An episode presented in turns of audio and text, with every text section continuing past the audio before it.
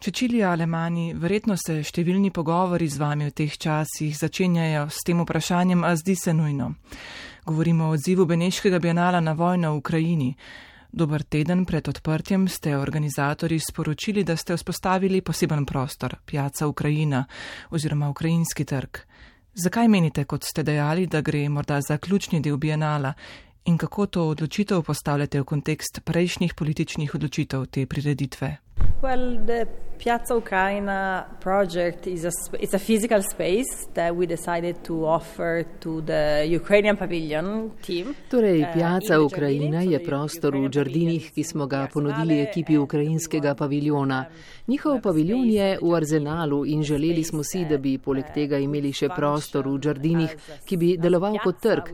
To namreč v italijančini pomeni izraz piazza. Gre za potezo solidarnosti z Ukrajino. Povabljena ukrajinska arhitektka Dana Kosmina je zasnovala zelo preprost prostor stebri, ki bo deloval kot platforma za pogovore in diskusije. Tam so v obliki posterjev na ogled tudi umetniška dela, ki se odzivajo na vojno v Ukrajini in so po večini nastala v tem času. Prostor je torej namenjen tako razstavljanju kot dialogu, pogovoru. Sicer pa, po mojem mnenju, vsaka umetniška razstava neizogibno postane politična.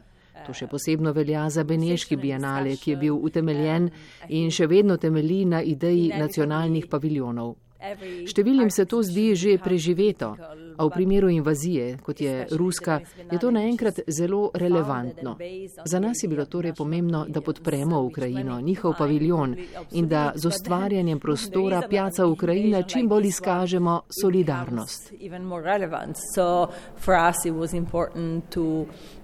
To support Ukraine, to support the Ukrainian pavilion, to show our solidarity as much as we could by creating this space. V tem kontekstu me zanima še vaša odločitev za obračanje k nadrealizmu. To se v današnjem času, ko so pogoste politične, družbeno angažirane razstave, na prvi pogled morda zdi kot pobeg v domišljijo, kot apolitična odločitev. A vendar na drugi strani vemo, da so bili nadrealisti sami politično aktivni, angažirani. Kako gledate na politični vidik nadrealizma? Yeah, I think you know. I think surrealism is in the air in the last few years. That have been amazing shows about surrealism, including. Nadrealizem je trenutno priljubljena tema. V zadnjih letih je bilo več sjajnih razstav, ki so poskušale razširiti identiteto in naravo te smeri oziroma gibanja. Recimo razstavi fantastične ženske ali nadrealizem onkraj meja. Mislim, da je bil nadrealizem izrazito politično gibanje, oblikovalo se je po prvi svetovni vojni in obstajalo med obema vojnama v obdobju razcveta novega nacionalizma. Šlo je za zelo antimilitaristično in antitotalitaristično gibanje. Logike sanj, halucinacij, nezavednega kot metodologije niso uporabljali za to, da bi pobegnili v drug svet, temveč kot način razumevanja sedanjosti, o kateri je bilo tedaj verjetno težko razmišljati ali jo tematizirati. Danes na nek način živimo v podobnem svetu. Ne mislim le na trenutno vojno in pandemijo. Pomislimo še na škodljive voditelje, kot sta Trump in Bolsonaro, ter vzpon radikalne desnice. Zlasti med izolacijo v času pandemije so številni umetniki morda našli uteho v uporabi introspektivnih orodij, da bi tako govorili o sedanjosti. Maybe introspective tools uh, to talk about the present.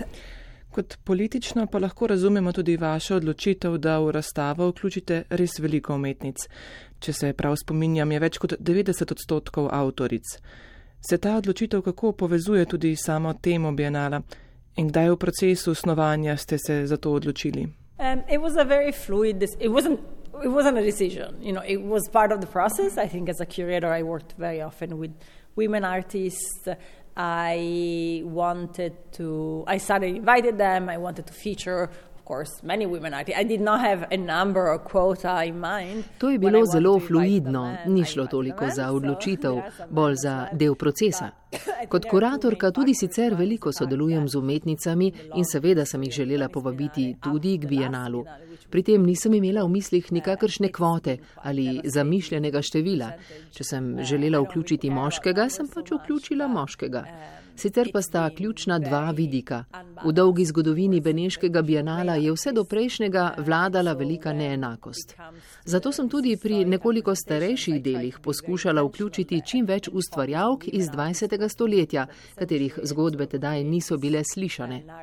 Na drugi strani pa se ta odločitev povezuje tudi s temo bienala, ki se med drugim posveča posthumanistični misli.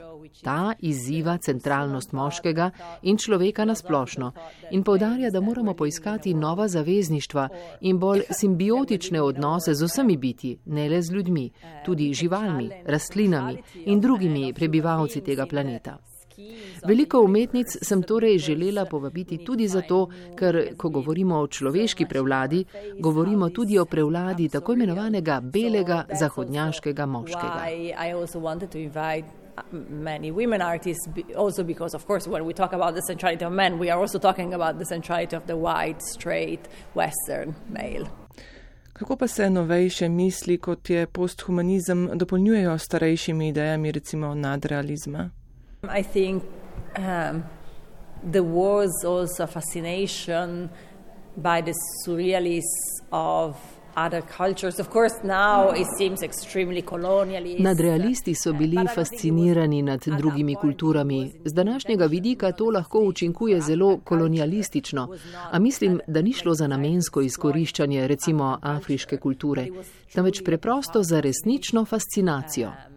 Odprtost za druge načine spoznanja, druge oblike znanja je po mojem mnenju ključni del nadrealizma. Ta odprtost pa je tudi vodilo posthumanistične misli, za katero je zelo pomembno razmišljanje o avtohtonih kulturah, kulturah, ki so drugačne od naše.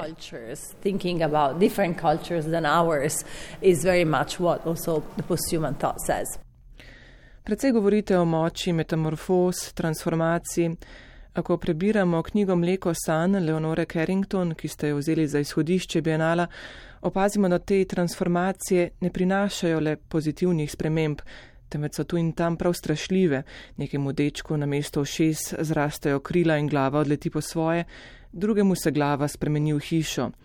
Kako gledate na to dvojnost transformacij? But I think transformation and metamorphosis has been in artists' mind for millennia because think about Ovidio and the Greek myth uh, and literature. Mislim, da umetniki že tisočletja razmišljajo o metamorfozah in transformacijah.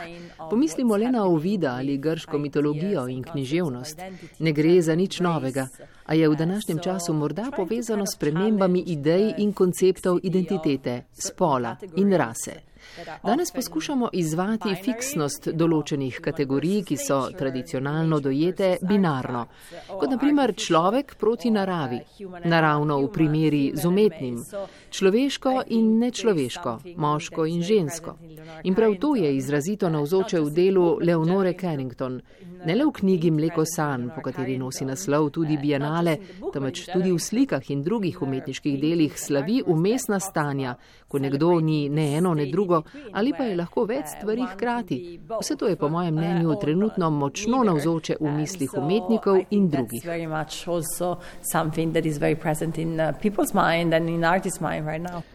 Posvetiva se še pomenu književnosti za bienale. Kot vemo, sta se tudi v nadrealizmu literarna in vizualna umetnost močno prepletali. Yeah, um, practitioners that are not necessarily visual artists. So the show has a few. Poleg vizualnih umetnikov sem želela vključiti tudi druge. Tako na razstavi najdemo nekaj pesnic, pesnikov in pisateljic, pisateljev, pa tudi ljudi, ki sploh niso bili umetniki, ampak recimo spiritualni mediji ali so se kako drugače poglabljali v duhovnost. Zlasti v tako imenovanih časovnih kapsulah, v katerih so na ogled starejša dela, sem si želela svet dojeti in predstaviti nekoliko drugače. Današnje kategorije bolj fiksno, nepremično definirajo vsako izmed disciplin in redke recimo srečamo skupnosti sestavljene iz vizualnih umetnikov, glasbenikov in pesnikov. V 20. in 30. letih prejšnjega stoletja pa je bilo drugače. Želela sem torej predstaviti glasove umetnikov, umetnic in pisateljic, kot so Joyce, Mansur, Juna Barnes, Mina Loy in Benedetta Capa, ki je bila italijanska futuristka, saj to kaže na multidisciplinarno naravo umetnosti. Omenili ste časovne kapsule, v katere ste uvrstili starejša dela. Prebrala pa sem, da se z njihovo zasnovo navezujete na muzejske in galerijske postavitve. Gre torej tudi za poskus revizije razmisleka o zgodovini umetnosti. Yeah, the time capsules have different functions. The first one is to create constellations of artworks and artifacts, uh, gathering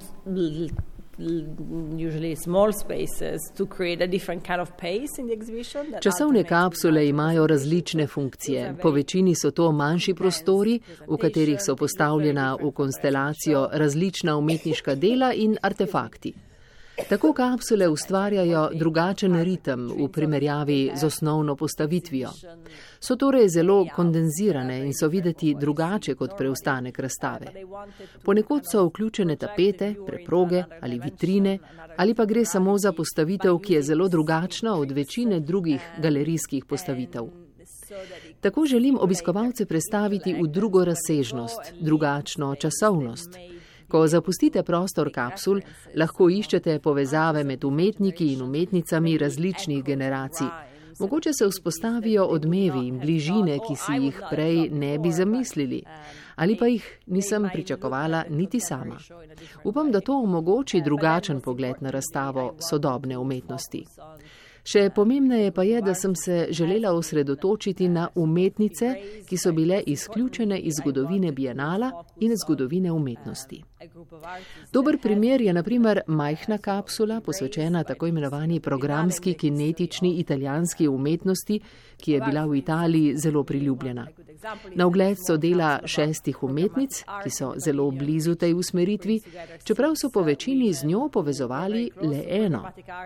Ozreti se moramo v zgodovino bienala, zgodovino italijanske umetnosti ali pa umetnosti kot take in najti trenutke, v katere se lahko vrnemo in popravimo stvari, ne da bi bili pri tem konfrontistični ali jezni, gre le za vajo gledanja nazaj. Zgodovina ni nekaj trdnega. Prav zdaj je naloga institucij po vsem svetu, da se ozrejo v preteklost, k temu, kaj so sporočale s svojimi razstavami, zbirkami, kaj so komunicirale, kaj je bilo na ogled in kaj ne kaj so vključile v zbirke in česa ne, in poskušajo to popraviti, izboljšati. Ste prva italijanka, ki kurira Beneški bienale, živite pa v tujini. So vaši pogledi za to kaj drugačni? Kaj lahko ponudite v primerjavi s prejšnjimi kuratorji bienala? Well, I think because I think living in the United States, where these processes of revisions are part of the DNA of every institution, Živim v Združenih državah Amerike, v katerih so procesi razmišljanja o zgodovinskih krivicah in reviziji ključni del institucij in to je verjetno pomembno vplivalo na moje razmišljanje. Pri nas je glede tega pogosto še vedno veliko nerazumevanja, odpora. Ljudje nočejo teh pogovorov in take teme hitro odslovijo. Ne zdi se jim pomembno, da je vključeno veliko umetnic ali pa se sprašujejo, ali gre za bienale mi tu, jaz tudi. Nekateri komentirajo, da gre za politično korekten bienale.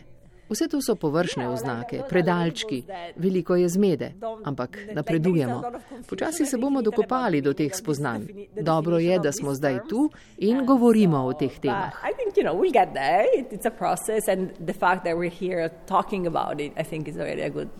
Position. Pa ste, ko ste načrtovali razstavo, razmišljali tudi o tem, kaj bi danes pomenilo biti nadrealističen. Je to še vedno nekaj podobnega, kot je bilo v obdobju tega zgodovinskega gibanja?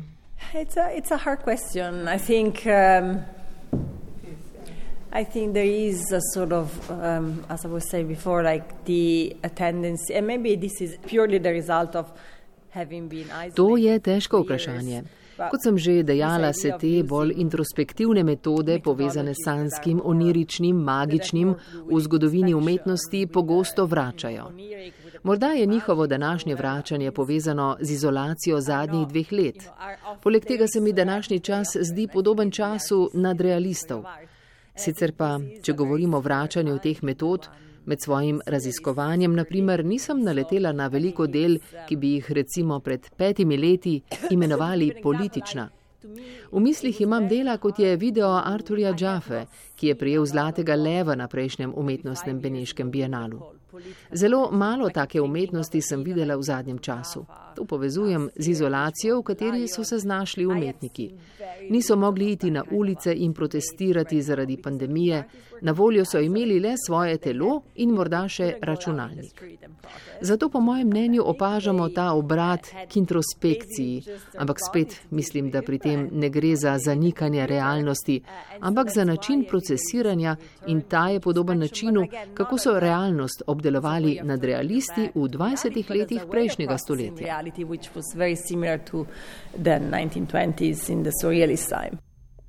Letos ste prevzeli izjemno zahtevno nalogo kuriranja v srednje razstave.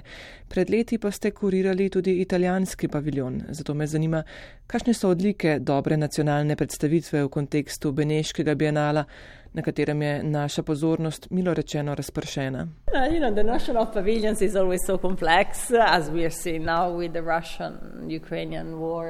Um, but I think um, Nacionalni paviljoni so kompleksno vprašanje. To je zdaj še bolj očitno zaradi vojne v Ukrajini. Italijanski paviljon ima na voljo res velik prostor, ki pa je zelo specifičen in obremenjen. Zato ga je nujno imeti v mislih pri postavljanju razstave. Nekateri paviljoni v Džardinih so bliže tako imenovani ideji bele kocke, lahko bi bili kjerkoli.